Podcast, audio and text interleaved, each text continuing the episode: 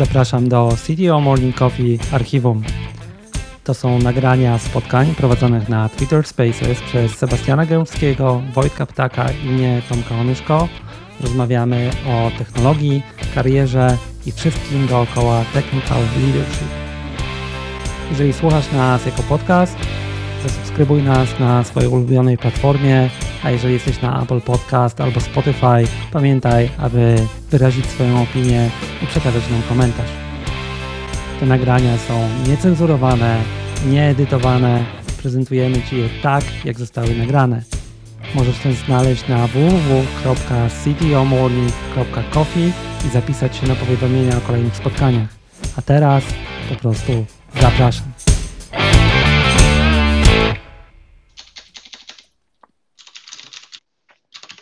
Dzień dobry.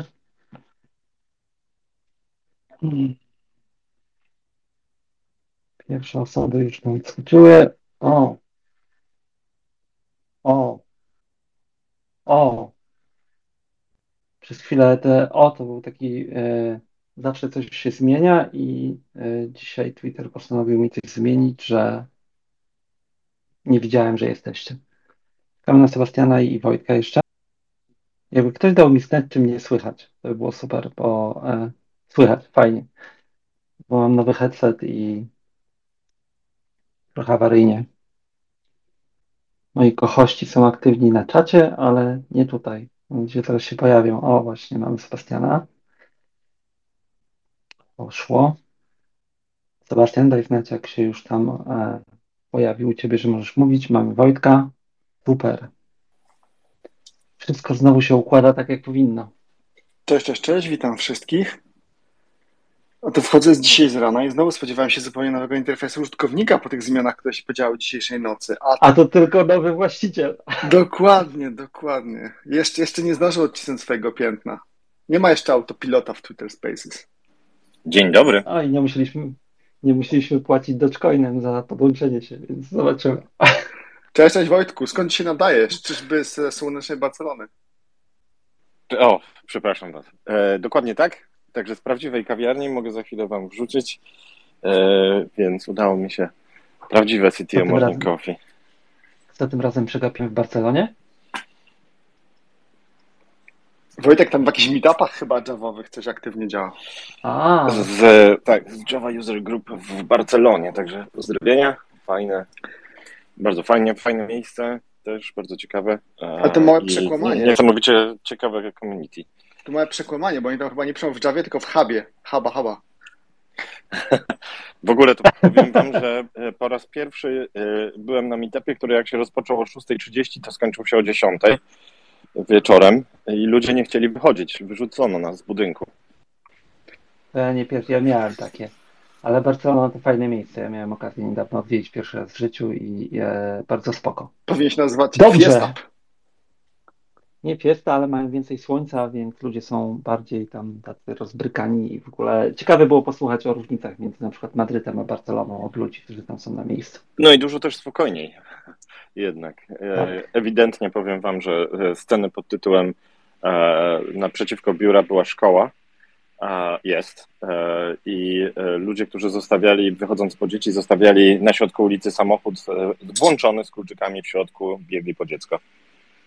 No i dobrze. Dobrze. E, zwiedziliśmy kawałek Europy, zawijamy w stronę tematu dzisiejszego. E, dzisiaj w szczególności e, przypomnę o tym, że nie jedziemy po osobach, nie wspominamy firm może i tak dalej, dzielimy się swoimi doświadczeniami. Cel jest taki, żeby się podzielić, może dać sobie jakieś hinty a że dzisiaj temat pewnie lekko wrażliwy i też czasami e, ciężki, no to tym bardziej jest to istotne. Sebastian, Wojtek, zapomniałem o czymś? Ja bym chętnie dodał, że od razu od samego początku zapraszam do dyskusji, bo e, temat jest taki, że dotyczy nas wszystkich. Jest, e, tak jak Tomku mówisz, bardzo poważny. A na pewno będzie warto się wymienić e, jakimiś doświadczeniami, pomysłami do czego serdecznie zapraszamy, więc od razu zapraszamy, słuchajcie, będzie na pewno wiele tematów, którymi E, bardzo Was prosimy, żebyście się podzielili swoimi obserwacjami, pomysłami, e, więc serdecznie zapraszamy od razu wszystkich do dyskusji. Dobrze. Tak, podnoście łapkę na aplikacji w Twitter Spaces, my możemy tego nie zauważyć, wtedy się nie zrażacie, tylko podnoście do, do skutku.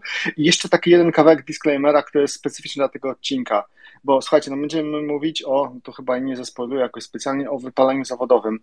E, I to jest temat, który no, generalnie kwalifikuje się do pomocy specjalisty.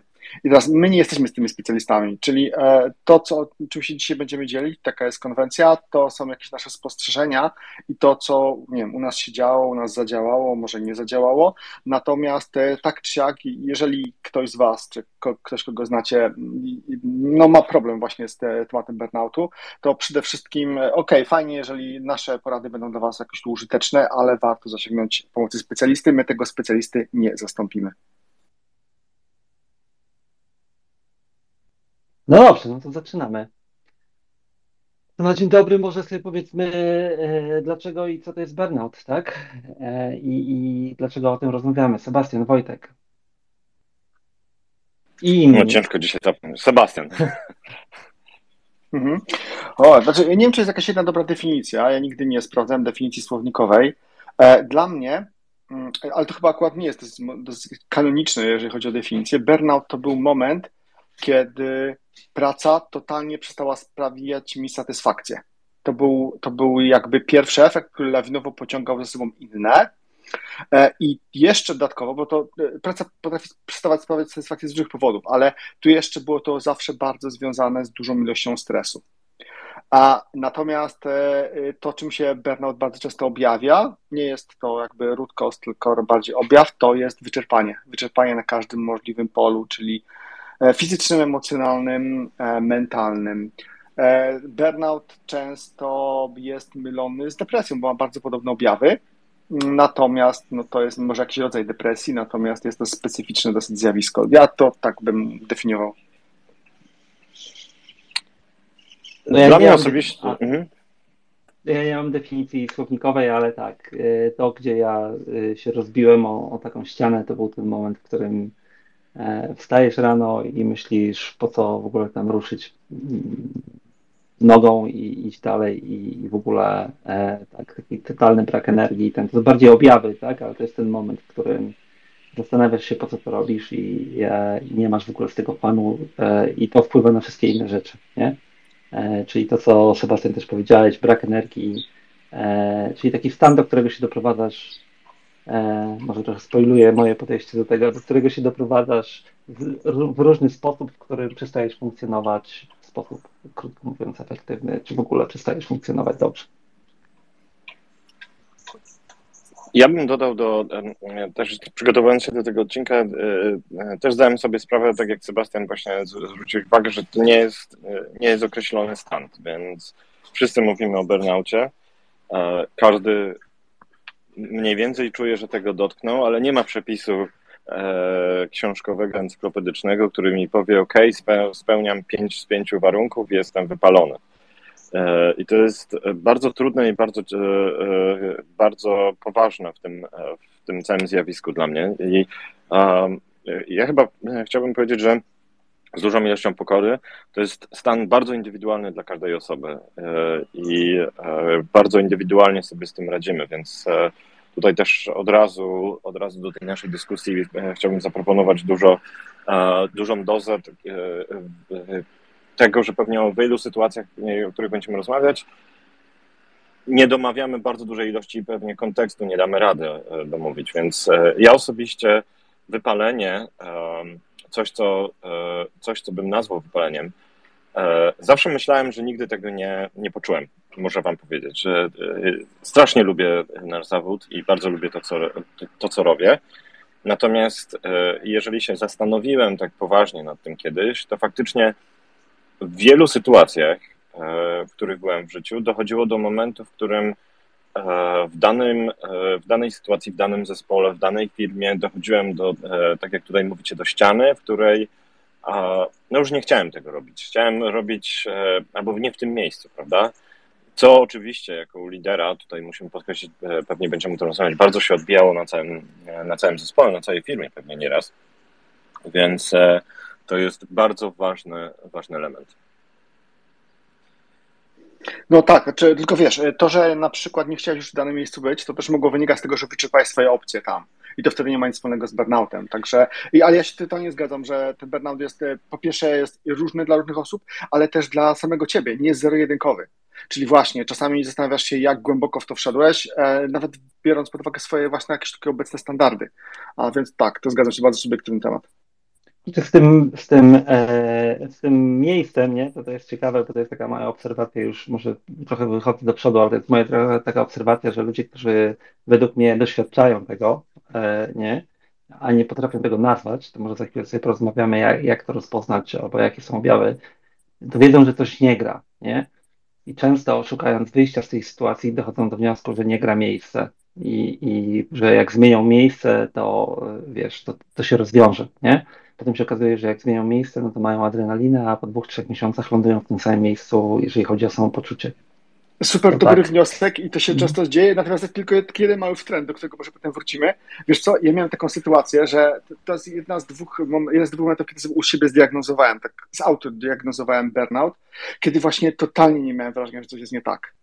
A i teraz impuls, który mi to uświadomił, przed jakby zupełnie losowego miejsca, ale jakby u mnie to wszystko było aż za bardzo tak. I to było przerażające, wiesz, właśnie, e, że, że ten, ten tok myślowy był zupełnie na, na okrętkę, ale to taki mały wtręt, pewnie do tego dojdziemy później. No dobrze, e, słuchajcie, dołączcie się, jeżeli macie swoje przemyślenia, bo myślę, że wielu z Was albo obserwowało to, albo może w jakiś sposób doświadczało, albo e, ten. Pytanie jest, no właśnie, trochę zaczęliśmy o tym mówić, nie? E, jak, jak rozpoznać, że to ten moment jest, nie? Bo to jest jeszcze tak, że ja może się podzielę od ręki, że ja teraz już potrafię pewnie jakoś to zauważyć u siebie. Jak pierwszy raz doszedłem do takiej ściany, to nie potrafiłem, nie? I ja dlatego też często ludziom mówię, że słuchaj, ja ci to mówię, ale ty musisz dojść do ściany, bo dopóki sam tego nie przejdziesz, to trudno ci będzie uwierzyć, że może to, co ja mówię, ma rację, nie? Dla mnie na przykład ja mogę, takie... ja, no, ja mogę Tomku tutaj rozpocząć, bo ja chętnie oddzielę też jak, jakie mam triki, żeby rozpoznawać mm, oznaki wypalenia, bo to mm, też, e, też z tym możemy, jak e, jeżeli poobserwujemy e, siebie, to też możemy później coś z tym zrobić w przyszłości. Ale no to ja osobiście, mm, tak, to ja osobiście mogę powiedzieć, że bardzo, bardzo łatwo dla mnie rozpoznać to w momencie, kiedy mam pierwsze oznaki w samopoczuciu. I tutaj myślę o typowych objawach stresu, czyli e, e, tyle, że powiem, ogólnie rzecz biorąc, jestem osobą, która ze stresem radzi sobie dosyć dobrze, ale jest pewien moment, taki punkt przegięcia prawdopodobnie, mm, w którym odbijam, zaczyna mi się to odby, odbijać na śnie, zaczyna mi się to odbijać na na przykład na wadze, kortyzol, e, zaczyna mi się to odbijać na dużo e, mniejszym e, buforze, jeżeli chodzi o jakieś emocje, czyli to nie jest to, że wybucham dużo łatwiej, ale na przykład dużo łatwiej się irytuję. I dużo łatwiej mi, e, wiecie, złapać się na takim myśleniu, no jasna cholera. Więc mogę powiedzieć, że jest kilka takich rzeczy, które u siebie zaobserwowałem. Zdarza się, zdarzyło mi się faktycznie e, wpaść też może e, w pojedyncze sytuacje, kiedy na przykład byłem bardzo bezpośredni i cyniczny. Jak już pewne rzeczy zbyt daleko poszły, więc e, to są moje osobiste objawy. Natomiast właśnie też chciałem oddzielić, to jest rzecz, którą chciałem poruszyć później, jak, jakie wnioski sobie z tego wyciągnąłem i co mi pomogło. Tomek, bo przepraszam, bo ci wszedłem słowa. Spoko. Y, to ja zacząłem u siebie, mówię już potem, e, bo to trochę jest ten, e, też obserwować, jak kiedy, kiedy widzę, że dochodzę do tej ściany, nie? Czy tam do, do takiego miejsca i muszę coś zrobić i kilka rzeczy się pokrywa na pewno. Znaczy ja na przykład nie mam problemu ze spaniem, ale e, tych sytuacjach takich podbramkowych, gdzie po prostu z różnych powodów dochodzę do, do, tej, do tego miejsca, gdzie, gdzie może powinienem coś przemyśleć. No, na przykład dla mnie taki, teraz już wiem, typowy objaw to jest taki, że jak się budzę, nie, to mam generalnie w głowie rzeczy, nie, takie związane na przykład z pracą. I, I to jest już wtedy wiem, że jest źle, nie? Czyli budzisz się i od ręki masz jakąś tam listę rzeczy w głowie i one nie są pozytywne, czyli to jest o Boże, ci się musiał to robić, nie? E, I i na przykład rano mi jest się wtedy ciężej zebrać z tym, nie? E, ten short fuse, to co powiedziałeś, nie? Czyli generalnie e, proste rzeczy, które nie powinny, zaczynają cię irytować. Nie? To jest taki, e, że ktoś przychodzi do ciebie... Po polsku zwany krótki ląd. Krótki ląd, tak. ja już tak, mam duży problem z przekładaniem dwóch języków. Ale, ale to, nie? To, to jest taki ten e, zmęczenie, takie literalnie, wiesz, wstajesz rano zmęczony. I to jest, i nie ma do tego fizycznego powodu, nie? E, czyli ja literalnie już tak wchodząc w taką czysto fizyczną obserwację, to, to był taki moment, w którym wiesz, e, jak wstajesz i po prostu zamiast wstać i zaczniesz tam się ruszać i tak dalej, to po prostu wstajesz i myślisz, co tam się dzisiaj wydarzy, nie? I to jest, właśnie nie jest raczej pozytywne, typu action oriented, nie? Więc to są takie rzeczy, po których ja widzę już w tej chwili, że one e, dają mi sygnał pod tytułem coś jest nie tak, nie? No bo nie fokusujesz się, nie, nie skupiasz się na tych rzeczach, które możesz zrobić, cokolwiek, tylko zaczynasz właśnie mieć taką nieokreśloną mgłę, która cię spowalnia, nie? Więc to są takie fizyczne albo w głowie rzeczy, po których ja widzę, że już jestem w tym miejscu, w którym muszę odpocząć na przykład, nie? Sebastian. Albo ja do list... ja się generalnie zgadzam jak najbardziej, natomiast do tej listy dodam jeszcze chyba za dwa punkty takie, które pojawiły się albo częściowo, albo się jeszcze nie pojawiły. Czyli pierwsza rzecz, to ty powiedziałeś, że rano się budzisz i myślisz o pracy, to jeszcze o tych negatywnych rzeczach.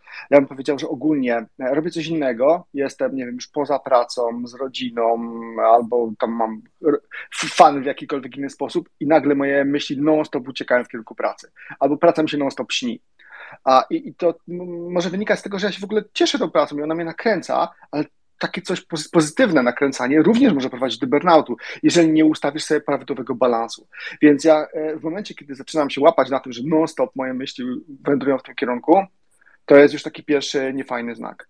E, I druga rzecz jeszcze, o której chciałem powiedzieć, to jest to, że e, generalnie mm, y, coraz trudniej jest mi zidentyfikować u siebie pewnego rodzaju kreatywność, bo po prostu wynikającą z braku slaka i mam taką presję, że cały czas cisnę i naginam swoje jakieś granice w życiu, jeżeli chodzi właśnie o ilość pracy względem innych tematów. E, I e, po prostu czuję, że normalnie moja wartość między innymi polega na tym, że właśnie jestem w stanie wymyśleć pomysły i potem je egzekwować, a tu nie mam w ogóle na to space'u. E, jestem w stanie zidentyfikować to, kiedy to się dzieje i to jest dla mnie już taki bardzo poważny znak, że skoro moja kreatywność spadła, to znaczy, że bardzo mocno spadł mój slack, to znaczy, coś jest nie tak, jeżeli chodzi o właśnie o ten balans. E, I jeszcze ostatni, ostatnia uwaga tutaj. Jestem w stanie u siebie zidentyfikować frustrację wynikającą z tego, że nie, robię, nie robię rzeczy, które lubię, że nie znajduję na nie czasu. Takie rzeczy, które zwykle robiłem, które były moim hobby. I, I ja wtedy wiem, że jestem sfrustrowany i wiem, że już mi to nie wróci, w sensie już ten czas, który miałem poświęcić, to, to, to już, już to przepadło. I, I jestem w stanie zidentyfikować ten konkretny rodzaj frustracji i to jest też dla mnie taki już sygnał, że rzeczy nie dzieją się dobrze. Także takie trzy wkłady ode mnie. Chcę, trochę wejdę w trochę może inny temat już, nie? Bo dotknąłeś jednej ciekawej rzeczy, która to jest moja obserwacja, nie? Bo to powiedziałeś, że e, czasami to wynika z tego, że rzeczy idą za dobrze, albo na przykład, wiesz, robisz rzeczy i one ci cieszą ogólnie, nie? To jest pytanie, jak my lądujemy w tym miejscu i, i moja obserwacja po iluś tam latach i, i pracy z ludźmi taka jest, że przeważnie lądujemy tam na własne życzenie, nie? Czyli jest taki moment często, w którym nawet, znaczy jest też, są też sytuacje, gdzie, wiesz, gdzie jest presja zewnętrzna, która wrzuca nam dużo rzeczy, nie wiem, e, e, i, i, to powoduje po prostu, że jesteśmy w tym miejscu, ale często to jest tak, że po prostu ktoś jest właśnie e, na tak zwanym haju, ciągnie wiele rzeczy, robi to, tamto, user grupy, jeszcze coś tam i ten, i po prostu się nakręca tym i krótko mówiąc jedzie na ścianę, bo w końcu po prostu jest tego za dużo, nie? Ale ponieważ to też powoduje tą adrenalinę, nie? To, e, to się nie zauważa tego momentu, w którym zaczyna się przeginać i potem jest czasami bardzo gwałtowny zjazd, nie? E, e, to taka moja obserwacja, że, że, że, że wtedy następuje to, ok, dojechałem do tego i przeważnie jest jakiś tam, wiesz, stop, nie wiem, ktoś się robi chory, cokolwiek i nagle po prostu jest totalny zjazd, nie? W drugą stronę. To taka moja obserwacja z czasów różnych. No to Wojek wspomniał chyba właśnie na początku, że dlaczego tutaj nasza branża albo w ogóle bycie liderem też mm, potencjalnie zwiększa prawdopodobieństwo tego burnoutu. No, y, ludzie w IT to są często zajawkowicze, tak powiedziałeś, których po prostu kręci to, co robią i wtedy łatwiej jest, e, żeby rzeczy się wymknęły spod kontroli.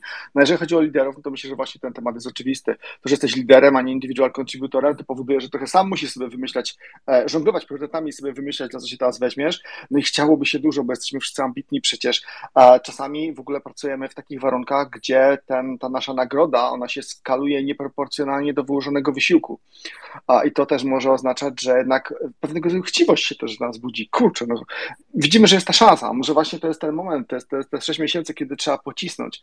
No ale może się okazać, że to 6 miesięcy to jest to 6 miesięcy za późno. E, więc pasja, jeżeli by tak powiedzieć troszeczkę o, o, tej pasji na początku, ja bym powiedział, że e, pasja i wpływ pasji na burnout jest dwojaki z jednej strony, jak lubisz to, co robisz, to ten burnout może się odsunąć. W sensie naprawdę człowiek dużo zniesie jako istota. My jesteśmy takimi karaluchami, e, dużymi karaluchami trochę i jesteśmy w stanie naprawdę dużo dać radę pociągnąć wiele tematów i tak dalej przez dłuższy okres czasu, zwłaszcza jeżeli one sprawiają nam przyjemność. Natomiast no, to jest broń niebosieczna, czyli ta pasja, jak już ten burnout nas dotknie, już nas walnie, to w tym momencie on nas może walnąć znacznie silniej, dlatego że my posunęliśmy się za daleko, za tą granicę i rzeczywiście to recovery może no, być znacznie bardziej bolesne, jeszcze znacznie bardziej długotrwałe. Wojtek, a jak u Ciebie to wygląda? Bardzo podobnie. Przepraszam, bo e, e, wsuwam śniadanie równolegle.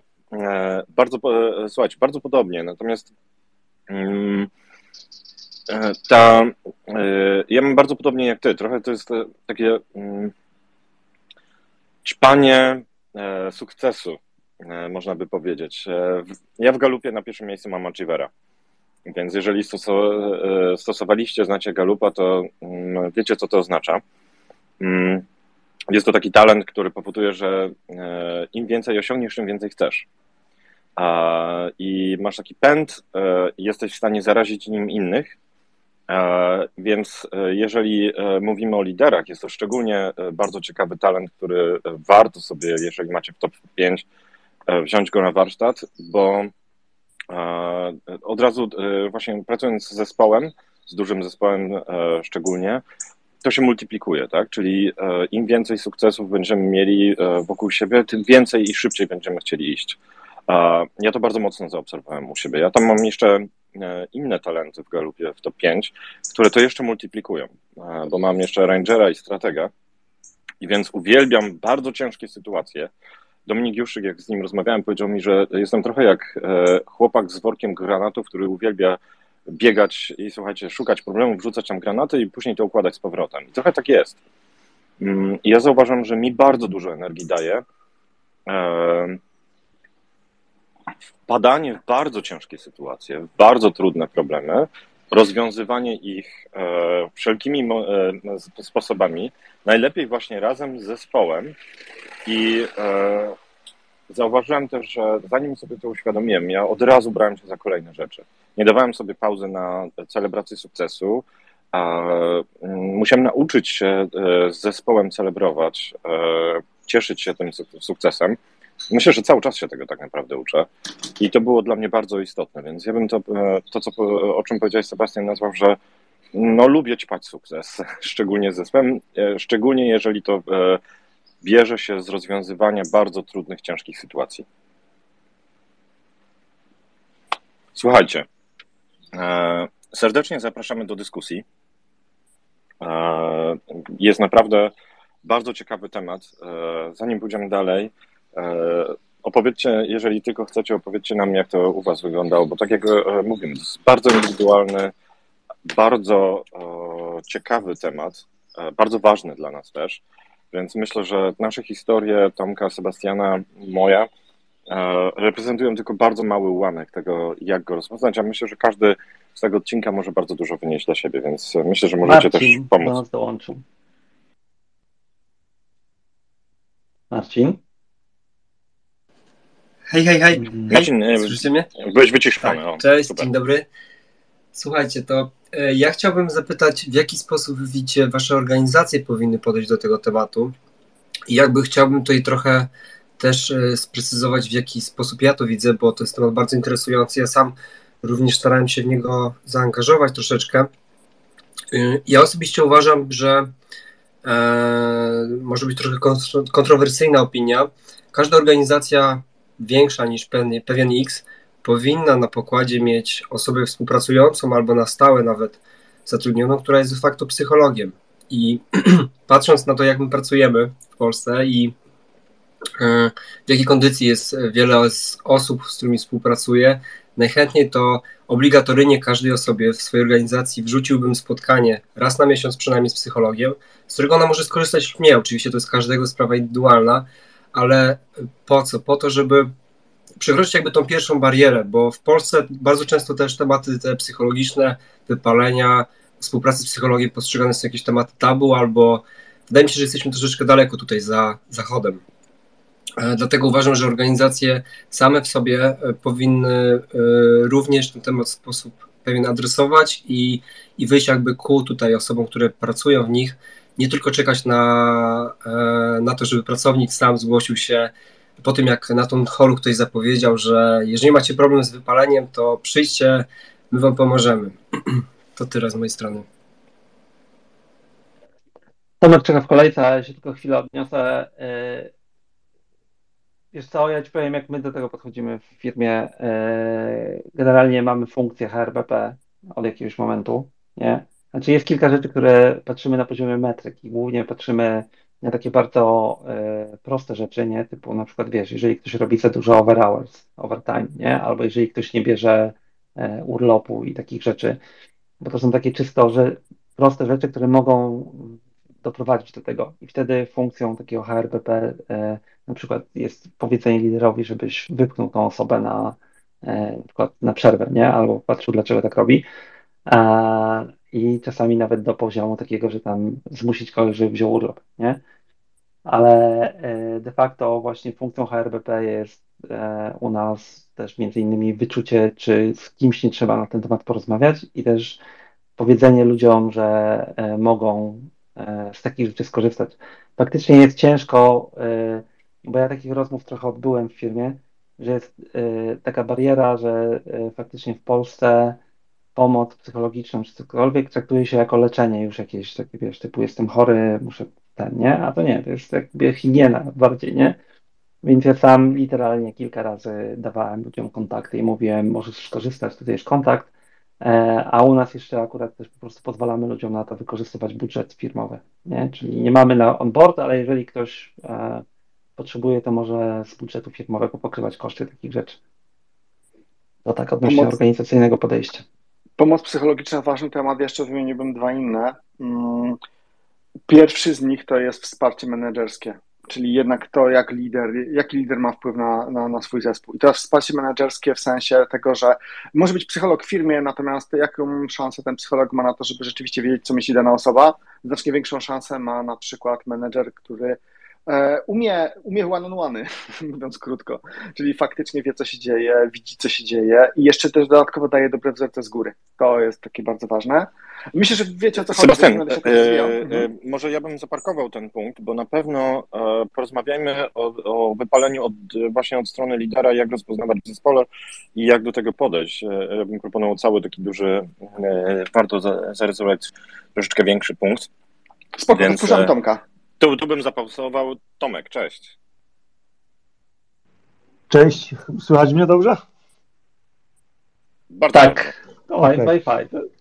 E, powiedzieliście trochę o rzeczach, które też chciałem e, swoich, że tak powiem, e, powiedzieć. Natomiast ja z doświadczenia mogę powiedzieć dwie rzeczy, bo jako lider Osobiście czuję, że właśnie takie mam od dłuższego czasu permanentne wypalenie, natomiast no to jest taka sinusoida, bo tak jak wspominaliście, e, to co robimy często daje nam frajdę i bardzo trudno e, wyłapać ten moment, kiedy trzeba sobie powiedzieć dosyć. E, no bo rano człowiek wstaje, czuje się, że nie ma sił, przychodzi do pracy, nagle zyskuje siły, bo siada do jakiegoś kurde fajnego tematu lub z fajnymi ludźmi pracuje i i nagle przychodzi znowu e, e, ten spadek e, i czuć, że kurczę, no człowiek już ma dosyć. I widziałem to po sobie. Mm, długo z tym walczyłem, nawet na zasadzie właśnie przyznania się, że człowiek jest wypalony, no bo kurczę, no to dawało frajdę. Potrafienie siedzieć po pracy jeszcze nad rzeczami i, i to dawało tą frajdę, natomiast e, tu dużo to pomoc tak naprawdę ludzi z otoczenia, z rodziny, którzy mówili, e, że to chyba już jest coś nie tak, że właśnie tak stopowali. I dopiero potem zacząłem też widzieć takie rzeczy u swoich współpracowników, gdzie też ludzie po prostu działali w takim już transie, można powiedzieć. Niby jest fajnie, źle nie jest, ale faktycznie jak roboty z jednej strony. Rozmowa z psychologiem naprawdę, na pewno fajna rzecz. Też starałem się i po znajomych, i po e, współpracownikach e, trochę to odczarować, że to nie jest leczenie, ale właśnie takie, e, taki wyrzut bufora tego, co w człowieku siedzi, spojrzenie z boku, bo jednak faktycznie no, przez dużą część społeczeństwa jest to widoczne jako o, z, z tym człowiekiem jest coś nie tak, jak chodzi do psychologa a to wcale tak, e, tak nie jest. Natomiast wydaje mi się, że to też może wynikać z takiej, no można powiedzieć, transformacji, która w Polsce była, gdzie jest taki rozstrzał między ludźmi działającymi w IT w korporacjach, a e, ludźmi pracującymi w małych firmach, gdzie tego w ogóle e, takiej właśnie kultury, jakby to powiedzieć, czystości psychicznej nie ma tak naprawdę i nikt się z tym nie spotkał. No, to tyle, bo zacznę się rozgadywać i, i popłyniemy. No już po to tu jesteśmy, żeby się rozgadać, jak to to Wielkie dzięki. Tak, wielkie dzięki za ten głos. Słuchajcie, to ja mam, e, e, idąc krok dalej, jakie lekcje z tego wyciągnęliśmy, e, nasze historie i e, jak e, rozpoznajecie, jak przeciwdziałacie, e, może przeciwdziałacie to za chwileczkę, ale jak rozpoznajecie pierwsze oznaki właśnie, że to jest moment, kiedy trzeba nacisnąć na hamulec i żeby tak podsumować no, i zamknąć właśnie e, ten, e, ten punkt. Więc Sebastian, punkt, jak rozpoz... możesz, wiesz, bullet point, jak, jak rozpoznajemy, to w sumie żeśmy sobie chyba omówili, nie? czyli po czym poznać, że ten burnout zaczyna się pojawiać. E, ja myślę, że w ogóle jak będziemy tak, nie wiem, rozmawiać o tym, to też warto rozgraniczać e, to, to jak rozpoznajemy, co robimy u siebie i u innych, bo to są dwa zupełnie różne tematy. To do, do e, innych właśnie osób mhm. chciałbym wrócić, wrócić za chwileczkę. Ja to, mogę, to ja mogę jeszcze tutaj, może dodam od siebie. Dla mnie jak sobie popracowałem nad tym tematem troszeczkę osobiście, ja bardzo chciałem zrozumieć, co jest przyczyną. Bo jedno zrozumieć, e, ok, są pierwsze sygnały, a drugie chciałem zrozumieć, co jest przyczyną. I to weszło troszeczkę e, naturalnie, e, niechcący, można by powiedzieć.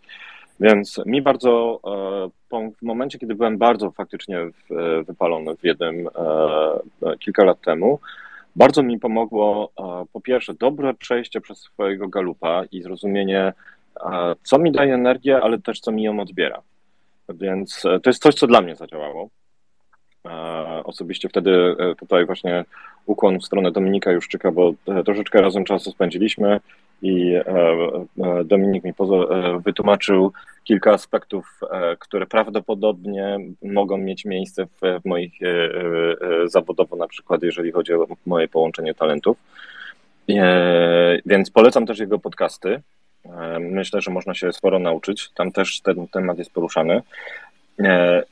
I mi wyszło właśnie wprost, tak, tak jak Wam powiedziałem, te kilka talentów, e, e, o których powiedziałem, e, więc brak tych rzeczy na przykład zauważyłem u mnie prowadzi do wypalenia. Więc ja naturalnie już sobie lepiej muszę tym zarządzać. Druga rzecz, którą, którą też robię i tutaj mogę się podzielić, jeżeli chodzi właśnie o to rozpoznawanie wypalenia u siebie, to jest regularny feedback, tak jak powiedziałeś, Sebastian, dobrze, żeby przy, e, rozpoznając temat wypalenia, rozmawiając o nim, lider, jak to ująłeś, umiał w one-on-one. Tyle, że dobry one-on-one to nie jest tylko prawda, e, lider rozpoznający wypalenie e, u osoby, z którą ma one-on-one. Jest bardzo dobrze zbudować tam relację tak, żeby feedback poszedł w drugą stronę. Ja też ten feedback sobie regularnie staram się zebrać żeby wiedzieć właśnie, czy nie naciskam za bardzo, czy nie idziemy za szybko, właśnie tak jak Wam opowiadałem w moim przypadku, czy nie wymagam e, niemożliwych rzeczy, nie, e, nie wiedząc nawet o tym i tak dalej, i tak dalej. I e, trzecia rzecz, którą, którą ja mogę polecić tutaj, to jest przepraszam Was, to jest feedback od peerów, czyli osób, z którymi pracuję na co dzień. Teraz spróbuję złapać tutaj taką klamrę, bo jest jedna rzecz, oczywiście jest pytanie, w którym miejscu są ci, którzy nas słuchają teraz i potem, ale e, moja, moja nauka po tych nastu latach jest taka, że przynajmniej za pierwszym razem nie jesteś w stanie tego sam rozpoznać i ktoś musi ci po prostu rzucić w twarz, e, że stary, chyba właśnie walisz w ścianę, nie? E, I, I wtedy jeszcze pojawia się zawsze to, co ja obserwowałem, po prostu wyparcie tego, to nie jest mój problem, to mnie nie, nie dotyczy, to w ogóle e, inni ludzie, a ja to tam jestem niezniszczalny, nie? E, I wtedy trzeba czasami według mnie poczekać i tylko po prostu podsuwać tej osobie, słuchaj, to naprawdę może być, nie musisz, e, po prostu daj znać, jak ci mogę pomóc, nie? To rodzina i Dobrze. najbliżsi. Rodzina i najbliżsi to są najbardziej wartościowi. I Wiesz co, w my firmie dlatego- też. Mhm. W firmie też i to jest właśnie te jeden na jeden, co powiedziałeś, nie? Rodzina i najbliżsi Tylko, to tak, to, to oni, Oni cierpią przeważnie- na tym. Oni często Tak, na tym cierpią, więc, i, więc trzeba ich w tym temacie słuchać. Tak, tylko oni też cierpią i czasami po prostu, e, wiesz, traktują to jako okres przejściowy, nie? Bo ja też wiem, kiedy się zachowałem jak Jack, nie? E, a to było z tym powiązane po prostu. Dobra, guys, słuchajcie, to żeby zamknąć właśnie e, ten temat własnego wypalenia, jak sobie radzicie z tym? Czyli co, co robicie, żeby upewnić się, e, że ono, e, mm, e, że problem wypalenia będzie zarządzany, że tak powiem, przez nas samych? Wspomniałeś Tomku o sporcie, coś więcej. A, bo byłem się rano biegać. E, tak, y, znaczy dla mnie, ja, dla mnie jest kilka prostych rzeczy i one są naprawdę proste, nie? To znaczy pierwsze, ja nawet pisałem o tym siebie w newsletter, gdzieś tam może podlinkuję potem, że pierwszym w ogóle największym e, krokiem jest przyznanie sobie, że to może, nawet jeżeli nie jest to, że to może być mój problem, nie? Czyli wyjście z takiej fazy denia- denial. E, i, I potem e, dla mnie na, na, na pewno ważne jest po prostu a doprowadzenie do balansu takiego fizycznego, nie? Czyli właśnie e, odpoczynek, odpięcie się, nie? E, tylko, że ja już też ze względu na to, żeby nie wpadać w te stany, to mocno to dbam tak jakby standardowo, ale dobrze odpocząć, wyspać się, e, to literalnie zmusić się do spania długiego, nie? E, I to jest strasznie trudne, w szczególności u tych, którzy są w tej fazie takiej adrenaliny, bo to oznacza, że na przykład odkładasz rzeczy, nie piszesz tego bloga, nie pracujesz nad projektem, tylko po prostu odkładasz rzeczy, gdzie, nie wiem, 21 idziesz spać, czy 20, nie? E, no i u mnie bardzo dużą, e, dużą rolę, to jest śmieszne, bo ja nigdy nie, nie robiłem, znaczy długo nie robiłem tego w życiu, bardzo długo, jest e, jakakolwiek aktywność fizyczna. U mnie to jest bieganie akurat, nie? Ale e, no więc generalnie ja regularnie w tej chwili chodzę biegać i to nawet nie po to, żeby mieć wyniki, tylko po to, żeby czyścić głowę. I, i e, uważam, że to jest duży ten kawałek, który mi pomaga unikać tego albo z tego wychodzić, bo mam po prostu czas dla siebie, w którym e, po prostu mogę myśleć o czymkolwiek, albo nie myśleć, bo wrzucam sobie po prostu audiobooka czy muzykę i się odcinam, nie? I to regularne pięć razy w tygodniu akurat u mnie, ale tak. Ja mogę tutaj dodać, e, że wspomnieliśmy, że bardzo często wypalenie jest związane z długotrwałym stresem. Długotrwały stres e, powoduje mocne zmiany w mózgu. E, To musimy pamiętać o tym, czyli tam między innymi jest bardzo długotrwały wyrzut kortyzolu, bardzo spore niedobory serotoniny. E, O tym, jak działa mózg, e, jeżeli chodzi o długotrwałe e, działanie stresu na nas. Bardzo Wam polecam Master Stress Huberman, Hubermana. Jest, e, o ile dobrze pamiętam, sobie wygoogluję, to jest półtora godzinki, więc Hubermana całkiem nieźle, E, ale on bardzo mocno jako neuro, e, neurobiolog przechodzi przez chemię mózgu, więc będzie Wam dużo łatwiej zrozumieć, co się dzieje z, z punktu widzenia neurobiologicznego w naszym, w naszym mózgu. I tak jak powiedziałeś, ja dokładnie bardzo podobnie. Zauważam, że regularny, szczególnie raz na tydzień, raz na dwa długotrwały wysiłek bardzo mi pomaga. E, Więc e, w moim, w moim przypadku jest to też moment, w którym ja, e, słuchajcie, jeżeli pójdę na przykład sobie na rower typu 4 godziny albo na skitury w zimie na cały dzień, to jest moment, kiedy naturalnie mój organizm sobie całkiem nieźle zaczyna radzić z, z tym, co tam się poodkładało i też daje sobie przestrzeń taką e, sporą. Bardzo lubię sam chodzić na te skitury, jeżeli tego, tego właśnie e, potrzebuję, czuję, że potrzebuję. I wydaję sobie wtedy przestrzeń, żeby mózg sam się oczyścił i zaczął e, patrzeć na pewne problemy z boku. Oczywiście, jeżeli to jest chroniczny stres, to jedno wejście mi nijak nie pomaga. No, tak, tak jak powtarzałem, mówię o sobie, więc e, e, i to są moje narzędzia. Nie bierzcie tego jako don't take it for granted. Natomiast dla mnie działa to, to tak, że to, to jest taka regularna higiena długotrwałym sportem, jest dla mnie niesamowicie dobra, bo zauważyłem, że mam wtedy moment, żeby spojrzeć na to wszystko z boku, przeanalizować sobie różne sytuacje, czasami posłuchać jakiejś mądrej książki przy okazji, więc e, wiele rzeczy równolegle bardzo fajnych się dzieje. E, regularny odpoczynek, nawet jeżeli, tak jak Sebastian e, mówiłeś, właśnie jadę, dobrze jest, ale zmuszę się do tego regularnego odpoczynku, potrafi też e, czynić cuda. Czyli ten moment, kiedy wciskam, e, wiecie, tak jakby jadąc autostradą, zatrzymuję się na stacji, chociaż mam jeszcze e, pół, pół baku, jedną trzecią baku spokojnie paliwa. To jest coś, co zauważyłem, też bardzo pomaga mi zrobić taki checkpoint i zastanowić się, ok, czy wszystko jest w porządku, czy wszystko jest na swoim miejscu, może potrzebuje coś jeszcze, e, jeszcze innego e, podziałać.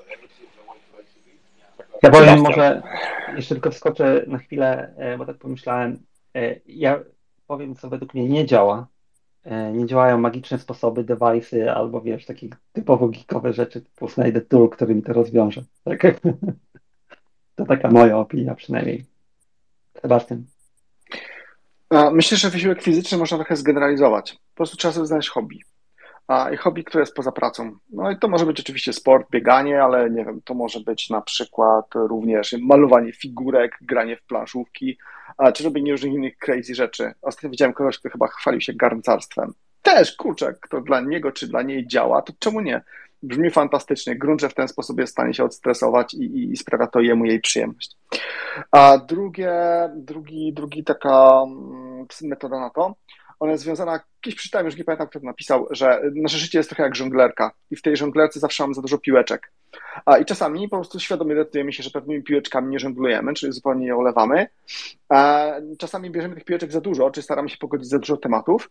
Natomiast klub polega na tym, że te piłeczki są zrobione z różnego tworzywa. Niestety niektóre są z gumy, czyli nawet jak ją upuścimy, to nic jej się nie stanie. Zawsze możemy potem złapać i żonglować dalej, ale niektóre mogą być z gliny albo ze szkła jak ona się posypie, to może być to bardziej problematyczne. Dla mnie to był bardzo fajny mental model i już przechodząc do konkretów, e, to oznacza, że po prostu ja bardzo często podchodzę do takiej repriorytetyzacji swojego życia. Czyli rzeczywiście patrzę, co robię, na co poświęcam ile czasu i czy warto. I robię to nie tylko w kontekście pracy, czyli tych tematów, których się podjąłem, bo niestety też mam taką rolę, którą sobie sam definiuję i czasami e, łapię się na tym, że się nachapałem tych różnych fajnych pomysłów cisnę jak zły, no ale to się odbija na zdrowiu psychicznym, fizycznym, e, ale również w życiu prywatnym, nie? Jest, ja jestem totalnym zajawkowiczem i chciałbym robić milion różnych rzeczy, ale naprawdę na to wszystko, nawet na takie rzeczy, które just for fun, też nie mam czasu, a sama chęć tego, że ja koniecznie muszę jeszcze to, jeszcze to i jeszcze to, to nawet w takich tematach pozapracowych można nas, można nas wypalić. Ja tutaj, wiem, że trochę długo mówię, ale dam fajny przykład, bo może też kogoś tu zainspiruję do dyskusji. Jeden z moich, e, jedna z moich dwóch sytuacji, kiedy miałem burnout, była totalnie niezawodowa i właśnie polegała na tym, że ja przeoptymalizowałem swoje życie. Jak ktoś jest zainteresowany, tam jakiś popełniłem artykuł, można to znaleźć. Właśnie polegało to na tym, że tak się unarzędziowiłem, tak sobie to wszystko zaplanowałem, tak wprowadziłem sobie takie rygory, żeby maksymalnie z tego życia wyciągnąć, że nie miałem takiego, takiej chwili zupełnego opieprzania się, takiej zupełnej, zupełnego wolnobiegu, gdzie właśnie ta kreatywność mogła odpalić. Wiem, że już powtarzam się tą kreatywnością, ale i w pewnym momencie sobie zdałem sprawę z tego, że tak, ja mogę masę rzeczy odfajkować w moim kanbanie, no cisnę po prostu, nikt inny tyle nie robi, mogę się chwalić, jak jestem mega dobry w zarządzaniu czasem, ale gdzieś jakaś radość życia uciekła. I, wiecie, napisałem ten, ten artykuł i to był jeden z kilku artykułów, ja akurat bardzo dużo pisałem wtedy, ale to był jeden z kilku artykułów, który zrobił furorę gdzieś tam na jakichś hacker newsach. E, I nie chodzi mi o te kliki, ale chodzi mi właśnie o tych ludzi, którzy prywatnie pisali mi, gdzieś tam ludzi na jakichś tam e, z wysokich eszelonów managementowych różnych firm, którzy po prostu pisali, miałem, miałem dokładnie to samo i to było chore. Tyle oddaję głos innym. To e, ja wrzucę, jeżeli chodzi o taką czystą technikę, e, bo to jest to, co powiedziałeś, bo według mnie częścią tego, znaczy ja uważam, że my sobie to sami robimy, nie? To znaczy naprawdę to, to jest e, presja zewnętrzna to jest jedna rzecz, ale druga rzecz, że my naprawdę sobie to sami robimy, czyli wrzucamy na siebie za dużo, nie? I tam jest niestety taki vicious cycle, czy tam jakkolwiek to nazwać, taki cykl pod tytułem nie zrobiłem czegoś, czuję się winny, to co to wrzucę na jutro, albo dorobię dłużej i tak dalej, i tak dalej, i tak dalej, nie? I na przykład moim odkryciem było kiedyś dawno temu, już kiedyś o tym tu mówiłem, nie? że e, są dwa sposoby radzenia sobie z tym, że czegoś nie zrobiłeś, nie? Albo robić więcej, albo sobie wyłożyć na taczki mniej, nie? E, I ludzie są super w dodawaniu, a są strasznie słabi w odejmowaniu. I ja na przykład zacząłem limitować te taczki, nie? E, ale na przykład taka technika bardzo prosta faktycznie jest to, co powiedziałeś, taki renament, nie? To jest generalnie i dla, dla tych, którzy piszą, to jest właśnie prostsze, bo siąść po prostu i napisać sobie nie? Po prostu wiesz, kartka i jedziesz po prostu, co robię, jak się czuję i tak dalej, bo e, ten moment pisania, to, to może to jest taka samoterapia, nie? Ale wiesz, to jest taki moment refleksji, bo po prostu wolno piszesz i myślisz, nie? Nawet w punktach, co ja robię, wszystkie rzeczy, którymi się zajmuję, nie? I potem zacząć to skreślać i powiedzieć, dlaczego się tym zajmuję, nie? E, to taki e, czysto techniczny aspekt, jak ja tam czasami sobie to gdzieś robię, nie? Wiesz co, ja A, jeszcze, sorry, jeszcze tylko dodam jedną rzecz, bo dotknąłem się jednej rzeczy ciekawej. E, Krzysiek Daniel, który chyba z nami dzisiaj tu nie jest, czasami zagląda, ostatnio wrzucił takie fajne podsumowanie, trzy rzeczy, których nie powinieneś oddelegować u siebie w życiu. Jedna z, z nich było nie deleguj swojego życia, nie? I tam podlinkował super tekst właśnie na temat tego, co powiedziałeś, że próba optymalizacji wszystkiego i tak dalej, i tak dalej powoduje, że na końcu to się też może skończyć takim e, crashem. Ja bym rzucił taki jeden disclaimer, bo generalnie zgadzam się z tym, co powiedziałeś, ale powiedziałeś, że y, już po raz drugi, że my często sobie robimy to sami, ale też nie chciałbym sprawiać takiego wrażenia, że właśnie ktoś, kto te, czuje ten burnout, powinien zawsze czuć samemu się winny i obwiniać właśnie siebie, bo to jest czasami też pułapka. Ja też miałem taką sytuację, kiedy po prostu w pewnej firmie, a, gdzie bardzo żeśmy rośli, gdzie była szansa na sukces bez precedensu, mówiąc wprost, już nie wchodząc w jakieś tam szczegóły, mieliśmy taką sytuację, że po prostu był patologiczny CEO. E, on miał osobowość bardzo podobną do Donalda Trumpa, e, czyli zawsze zagrywał z góry, bo nigdy nie wiedział, jak dużo jest w stanie ugrać, więc zawsze było mu mało. Miał zawsze retorykę na czas wojny, mimo tego, że generalnie ogólnie firma była w, w stabilnym rozwoju i e, jego filozofią, do której zresztą się tak naprawdę przyznawał w, w 90%, to było po prostu właśnie to, żeby ludzi wycisnąć jak cytryny, bo to jest ta jedyna okazja, to jest ta jedyna szansa. W związku z tym e, ludzi zawsze można wymienić. E, I żeby, ludzi się, żeby ludziom się dobrze z nim współpracowało, to trzeba ich złamać po prostu. Trzeba ich złamać, żeby oni byli wykonawcami, można powiedzieć, woli. I to jest człowiek, który po prostu doprowadzał innych do burnoutów. To I faktyczne kombo. Osób, Kilka osób z tej firmy musiało korzystać z pomocy lekarskiej, z pomocy profesjonalnej. A tam był bardzo ciekawy mechanizm psychologiczny, bo e, ludzie mieli świadomość tego, jaka jest osobowość tego człowieka, jaki jest wpływ tego człowieka na organizację. Natomiast ten człowiek też nie był głupi w sensie takim, że mm, ta marchewka dla ludzi była bardzo zachęcająca. Marchewka w sensie tego, że no, że chcie, poczuwali się tego, że to rzeczywiście wierzyli w to, że to może być mega sukces, to się koniec końców to był mega sukces. I też e, bardzo się skalowały nagrody, w sensie takim, że ludzie mieli e, relatywnie duży udział w tym, co wypracowywali. Natomiast no, ja jestem ciekawy, jak to będzie wyglądało jeszcze za kilka lat, kiedy, e, kiedy no, wszyscy będą sobie mogli podsumować swoją przygodę w tej, w tej firmie. Tam w tej firmie jest jeszcze całkiem sporo osób. Natomiast powiedzmy sobie szczerze, wpływ szefów, wpływ liderów na burnout u ich ludzi no, jest różny. Czasami jest bezpośredni, czyli po prostu właśnie ktoś ciśnie innych e, bez, bez żadnego wytchnienia, ale czasami jest to wpływ, e, powiedziałbym, trochę niejawny. Właśnie to, to tak, ten bardzo słynny przykład, że co jak mój szef wysyła mi maila o ósmej? Kurczę, to chyba muszę odpowiedzieć, nie? Bo to pewnie ważne, no skoro on pracuje, to ja też powinienem pracować. Dokładnie. No, więc wiecie, czasami, te, czasami ten wpływ sobie z tego nie, zdaje, nie zdajemy sprawy, e, natomiast to, to jest też jest bardzo duży wpływ na resztę organizacji. Znaczy ja y, ten, na pewno nie chciałbym, żeby to wyszło, że, że właśnie y, to, co mówiłem, było w tą stronę, bo znowu właśnie wpędzanie się w to, że to jest moja wina, to, jest najlepsza droga, żeby wylądować w tym miejscu, nie? E, to, o co mi chodziło, to bardziej o to, że właśnie nawet jak wiemy, że taczki mamy pełne, to bierzemy sobie następną rzecz, choć czasami naprawdę nikt nas do tego nie zmusza, nie? albo jest to w ogóle niezwiązane z tym, po prostu przeceniamy swoje siły, nie? E, tak swoją drogą, trochę, trochę tak z boku myśl, ale o tym, co mówiłeś, że po prostu wiele tych osób w takiej firmie e, tam lądowało, nie? To jest moja anegdotyczna e, obserwacja, ale według mnie, gdybyście zaczęli tak szczerze się o to pytać wprost i dostali szczere odpowiedzi, to byśmy się wszyscy zdziwili, jak dużo ludzi po prostu leci na różnego środku farmakologii, żeby nie wylądować w tych miejscach, nie? Ze względu na to, że, że po prostu takie mają środowisko. Dobrze, przejdźmy w to, jak my jako liderzy możemy, jaką rolę w tym wszystkim gramy, tak? Czyli co możemy zrobić, żeby naszym ludziom pomóc to rozwiązać, albo nawet samemu, jak to rozpoznać, co robimy jako liderzy. Wojtek, Sebastian, wasze praktyki. Wojtek, jeszcze mamy, mi, czekajcie, bo jeszcze mamy Michała, który chciał się dołączyć, także może jeszcze dajmy głos Michałowi. Właśnie go Cześć, dołączam Michał. już powinieneś móc mówić. Cześć Michał, e, jakbyś mógł włączyć mikrofon, to będziesz mógł mówić. Cześć, cześć, słychać mnie? Bardzo dobra. Tak? Dobra. Ja tylko może do dyskusji chciałem wrzucić e, wpływ e, pracy zdalnej. Generalnie w rozmowie z zespołem, z programistami widziałem, że w czasie głównie pandemii był to, był to spory problem. Jednak możliwość wyjścia do biura, kontakt z ludźmi no to jednak ma wpływ na samopoczucie.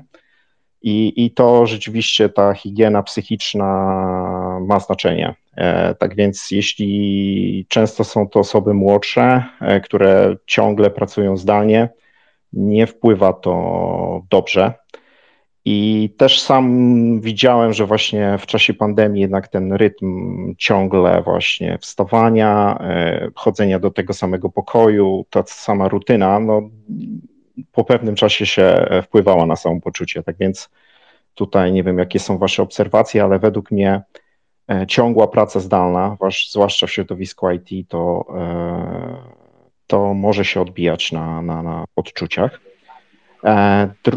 Dzięki Michał. Ja tutaj dodam, że bardzo, e, bardzo Ci dziękuję za ten głos, bo to jest bardzo ważny punkt.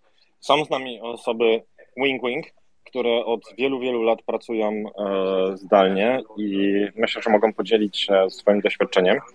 E, ja mogę dodać, że w pandemii, z, przynajmniej z moich obserwacji, zmieniła się jedna rzecz. Wiele osób pracowało wcześniej zdalnie, natomiast odebrano im możliwość robienia innych rzeczy, i bardzo często, e, wiecie, też rodzina, która na co dzień wychodziła i dawała pewną przestrzeń, została w domu, tak? Czyli nagle musieliśmy wziąć dodatkowe obowiązki na siebie, a nie mając też e, przestrzeni na swoje e, rutyny, które już mieliśmy wypracowane przez lata, które dla nas działały. To jest moja osobista obserwacja, natomiast wiem, że są tutaj z nami osoby, które E, które e, od wielu, wielu lat pracują zdalnie, więc e, jeżeli macie coś do dodania, to zapraszamy, żeby się włączyć. Michał, przepraszam, bo Ci właśnie wszedłem słowo, także jakbyś mógł dokończyć jeszcze myśl. Nie, w porządku.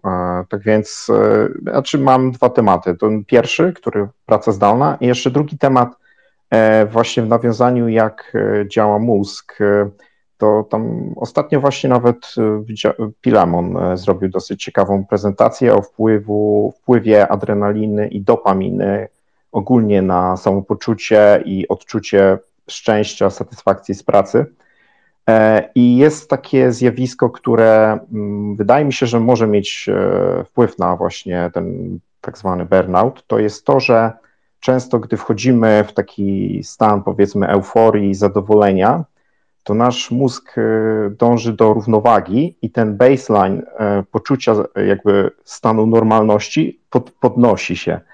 E, I dochodzi często do takiego zjawiska, że wchodzimy wysoko po tych szczebelkach i żeby już nas zadowolić, potrzebujemy coraz więcej, i wtedy już nieduże rzeczy mogą powodować takie poczucie właśnie takiego dropa, który w odczuciu wtedy się E, może pojawiać jako odczucie już e, niezadowolenia. No, to tak e, odnośnie drugiego tematu.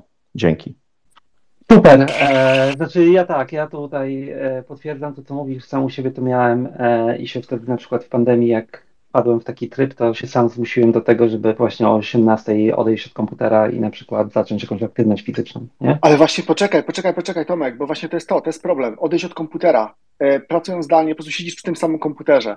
I nawet jeżeli w momencie e, tego, kiedy robisz coś prywatnie i robisz to przy tym samym komputerze, bo to jest twoje stanowisko i pracy, i rozrywki, to wtedy ta bariera tego, a to może zrobię coś jeszcze więcej, a to może chociaż sprawdzę tą pocztę, a to może odpowiem na Slacku. To jest ta esencja tego Dlatego problemu. odchodziłem od Tego komputera.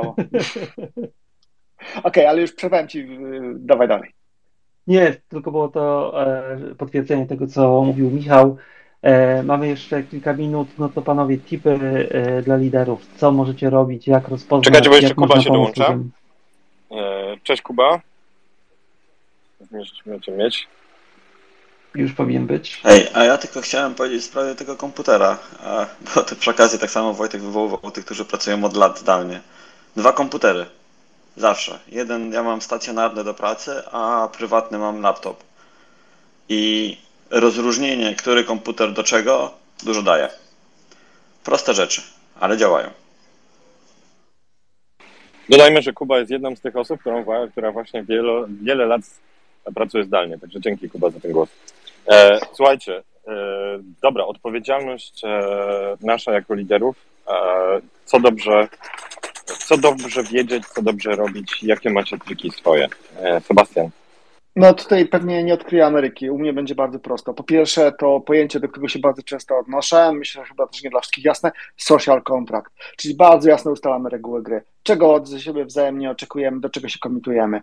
A po to właśnie, żeby nie było takiej sytuacji, że o, ktoś wysyła maila o 18, czy ja powinienem odpowiadać. O, ktoś mi wysłał jakiegoś e, DM-a, czy ja w ogóle powinienem mieć notyfikacje poza godzinami pracy, e, czy jest oczekiwane, że ja asynchronicznie odpowiem wtedy, kiedy do tej pracy wrócę. To jest mega krytyczne, ten social contact, nasze reguły gry, bo te reguły gry w różnych organizacjach będą wyglądały różnie. Więc to jest taki pierwszy, pierwsza rzecz. Druga rzecz to jest właśnie ten kontakt z ludźmi, czyli trzeba umieć w one-on-one, trzeba w to zainwestować. To jest skill, tego trzeba się nauczyć. To nie jest coś, co jest do przepychania, odpychania, zapominania. Trzeci Czy masz dobre jest... materiały co do one-to-one'ów? Żebyśmy- Niestety mieliśmy cały odcinek na ten temat, więc wróćmy, możemy, możemy zachęcić do słuchania tamtego e, odcinka. Wypuszczę go. Jego już nie ma do Trzeba go wypuścić, wypuszczę go. Tak. Bo tak e, Inny tip jeszcze, e, eliminacja herosów, czyli właśnie, po prostu nie powinno być ludzi, którzy mają bus factor 1, bo ci ludzie są pod największym ryzykiem tego, że się wypalą. Rozpraszamy odpowiedzialności, nauczmy się sami delegować, nie bójmy się e, też dopuścić innych do, do, do, do aktywności. Trzeba nauczyć tego siebie, trzeba nauczyć tego innych, e, bo to jest absolutnie krytyczne, bo w momencie, kiedy coś leży tylko i wyłącznie na nas, a my jesteśmy bardzo ambitni i do tego się poczuwamy, no to to się może skończyć właśnie takim klasycznym burnoutem. Więc to jest też taka rzecz, której na pewno bym zachęcał. Jeżeli chodzi o samego siebie, no to to hobby, o którym powiedziałem. No ciężko jest wymusić na kimś innym, żeby miał to hobby. Natomiast tu generalnie niewiele zastąpi dialog. Po prostu trzeba rozmawiać z ludźmi, bo jeżeli my widzimy u kogoś objawy burnoutu i chcemy go na siłę trochę wypchnąć, na przykład zabrać mu te odpowiedzialności, albo nie wiem, wypchnąć kogoś na urlop nawet na siłę, to a ta osoba ma niską świadomość tego, w jaki stan wpada, albo jest na etapie wyparcia, to niestety efekt będzie odwrotny. W sensie ta osoba może odebrać to jako jakąś krytykę, taką niesformułowaną konkretnie, albo wręcz jakieś negowanie wartości wkładu tej osoby i tak dalej. Więc tu niestety trzeba rozmawiać, trzeba rozmawiać szczerze, trzeba rozmawiać wprost. No i teraz to jest właśnie ta rola one on one. Jeżeli te rozmowy są regularne, to wtedy jest łatwiej odpowiedzieć o takich trudnych tematach. Natomiast jeżeli po prostu kogoś wyciągamy raz na ruski rok i chcemy w tym momencie porozmawiać o takich ciężkich rzeczach, to pewnie nie zadziała dobrze.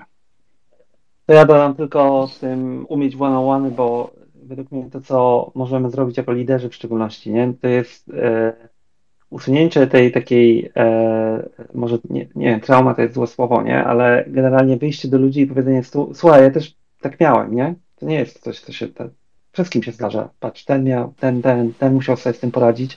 I jasne i wprost wyjście do tych ludzi i powiedzenie, słuchaj, widzę, że to się dzieje, tak? E, jak chcesz, to tutaj mogę Ci pomóc, jak nie chcesz rozmawiać ze mną, tutaj jest kontakt, albo porozmawiaj z tą i z tą osobą w firmie, bo ja wiem, że ona sobie z tym poradziła, nie?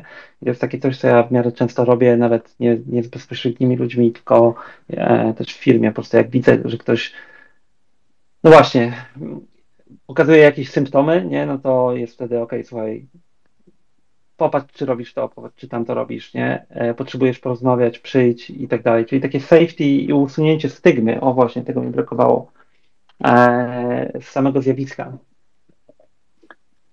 Dzięki Tomku, że to powiedziałeś, bo to bardzo istotny głos i myślę, że naprawdę to może bardzo pomóc liderowi. Ja jeszcze do, rozbudowałbym to, co powiedzieliście o to, że żeby te one-to-one i żeby ta relacja się powiodła, to trzeba mieć w ogóle relację. E, więc e, zbudowanie tej relacji nie tylko w, w one-to-one'ach, ale w ogóle poznanie tej osoby, zrozumienie jej e, jako lider, z którą pracujemy, zrozumienie jej potrzeb, pragnień i ale także pewnych słabości, bo właśnie chociażby ten heroizm, o którym wspomniałem, to też jest słabość. Guilty as charged, jak to mówią. Ja sam, sam tutaj właśnie to podkreślałem jest bardzo, bardzo według mnie istotne, więc e, to bardzo chciałbym też podbić. Ja na, Dzięki za te głosy. Na końcu wrzucę jedną rzecz. E, jest e, takie wideo i chyba nawet artykuł takiego starego człowieka, który nazywa się Scott Hanselman. Znaczy stary to tam w cudzysłowie. A on ma fajny on tekst. on ma fajny tekst i chyba nawet wideo, które się nazywa Optimize for Sustainability, nie? Czyli optymizm na długotrwałość e, jakieś tak. Ale i, i, tam dokładnie o tym mówi, nie? W szczególności ten heroizm, że to nie chodzi o to, żebyś zrobił coś teraz szybko, nie? Tylko chodzi o to, żebyś był w stanie robić coś w jakiś sensowny sposób w długim okresie czasu. I te takie zrywy heroiczne, to one powodują, że zrobisz teraz szybko, ale to, to nie jest utrzymywalne, nie? Więc e, o ile pamiętam, to tytuł jest Optimize for Sustainability i, e, i Scott Hanselman i to powinno się znaleźć. On ma dużo kontentu, który by się tu fajnie aplikował. Między innymi też ma This is You are not your work, które też fajnie mówi o zdejmowaniu pewnego rodzaju presji. Ja, jeżeli miałbym zarekomendować jeden resource, to słuchajcie, niedawno była jakaś konferencja Google'owa, nawet nie była za konferencja. E, ona była poświęcona chyba chmurze, natomiast tam był jeden z keynote'ów, był zupełnie z innej bajki. E, szefowa ich developer advocate'ów, Ashley Willis, jeżeli dobrze pamiętam, miała bardzo fajną sesję, jak to można znaleźć na YouTubie. Ja wkleję linka na Twitterze e, zaraz po, po, po tej naszej rozmowie teraz. E, I ta sesja trwa dosłownie 20 parę minut i to jest właśnie sesja o burnaucie.